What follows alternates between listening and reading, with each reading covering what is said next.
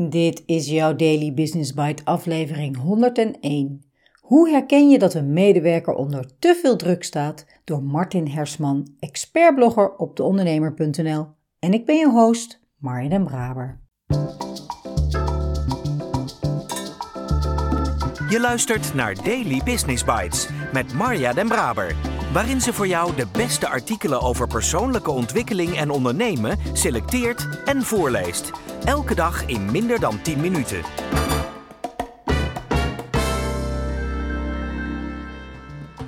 Dit is de podcast waarin ik jou, en eerlijk gezegd ook mijzelf, enkele van de beste artikelen en blogs op gebied van ondernemen en persoonlijke ontwikkeling voorlees. Elke dag. Op gebied van ondernemen en persoonlijke ontwikkeling worden oneindig veel artikelen geschreven. En wellicht ontvang je zelf ook wel elke dag artikelen in jouw inbox. Dus dank dat jij de moeite neemt om naar deze podcast te luisteren, om te groeien en jezelf te ontwikkelen. Laten we snel beginnen. Op de vooravond van het WK wielrennen handelde Mathieu van der Poel op een manier zoals hij in een normale situatie nooit zou hebben gedaan.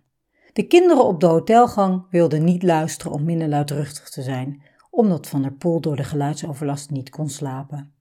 Misschien heb je een duidelijke mening over de actie van de renner, want van een afstand is het makkelijk oordelen, totdat je zelf in de linie staat. Misschien lukt het je om je in hem te verplaatsen, om je te verplaatsen in zijn situatie, waarin hij een dag voor een van de belangrijkste wedstrijden van het jaar stond. Hij stond onder druk en ik denk dat veel mensen het onder druk staan herkennen. Het lijkt erop dat we op dit moment allemaal wat meer onder druk staan.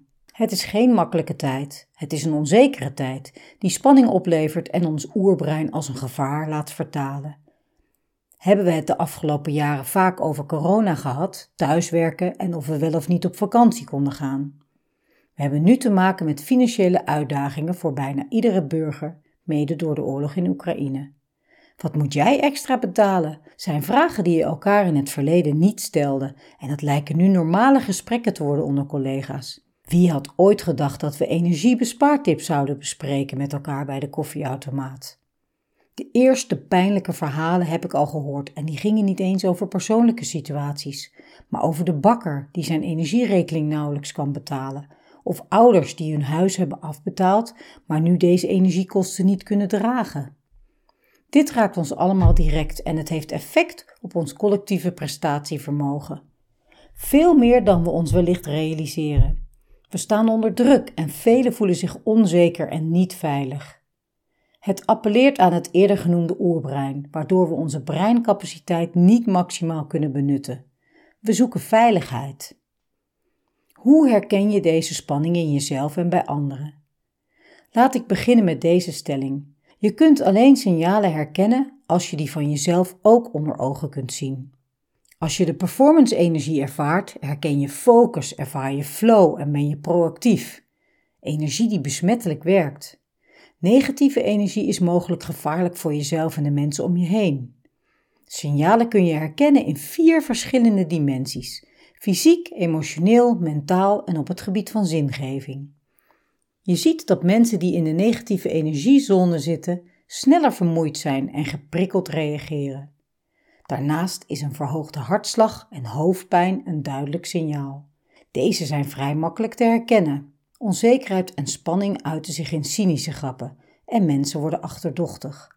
Alles voelt geforceerd en ze hebben de hele dag het gevoel dat ze achter de feiten aanlopen. Mensen worden reactief.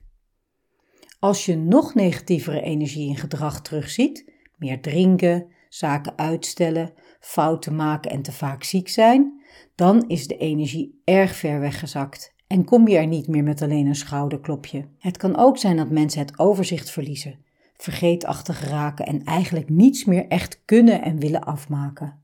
De manier om de juiste energie te hebben en te kunnen presteren is door voldoende herstelmomenten in te bouwen als leider is die verantwoordelijkheid nog groter. Mensen doen immers wat jij doet, ze luisteren niet naar wat je zegt. Herkennen is één, maar het aanpakken is een stuk lastiger. Hoe pak je het nu aan? Dat is echt een nieuwe blog waard.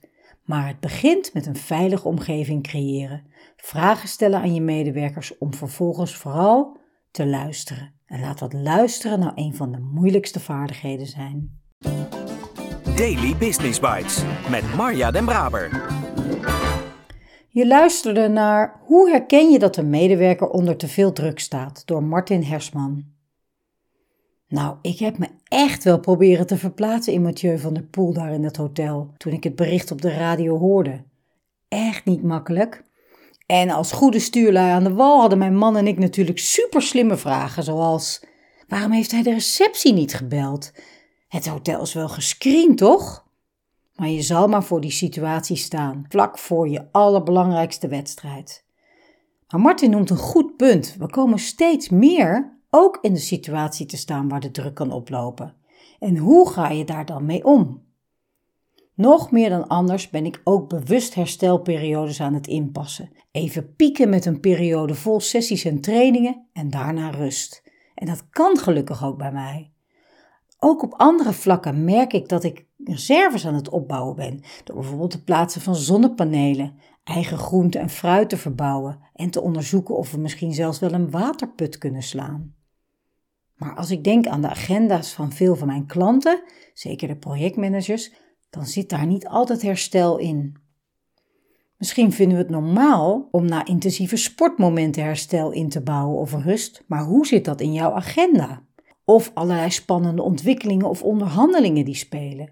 Ik heb ergens wel eens een vergelijking gelezen dat veel managers en ondernemers eigenlijk continu aan het sprinten zijn. Maar echte sprinters weten dat dat niet kan. Dat je na sprints rust nodig hebt om weer een volgende sprint te kunnen trekken. Dat je een marathon loopt en niet sprint. Dus start deze week goed, zowel voor jezelf als voor je team of bedrijf. Plan eens bewust rustmomenten in. Morgen wordt dat voor mij in ieder geval een heerlijke bergwandeling.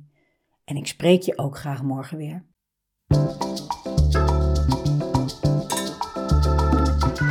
Dit was Daily Business Bites. Wil je vaker voorgelezen worden? Abonneer je dan op de podcast in je favoriete podcast-app. Meer weten? Klik op de links in de show notes.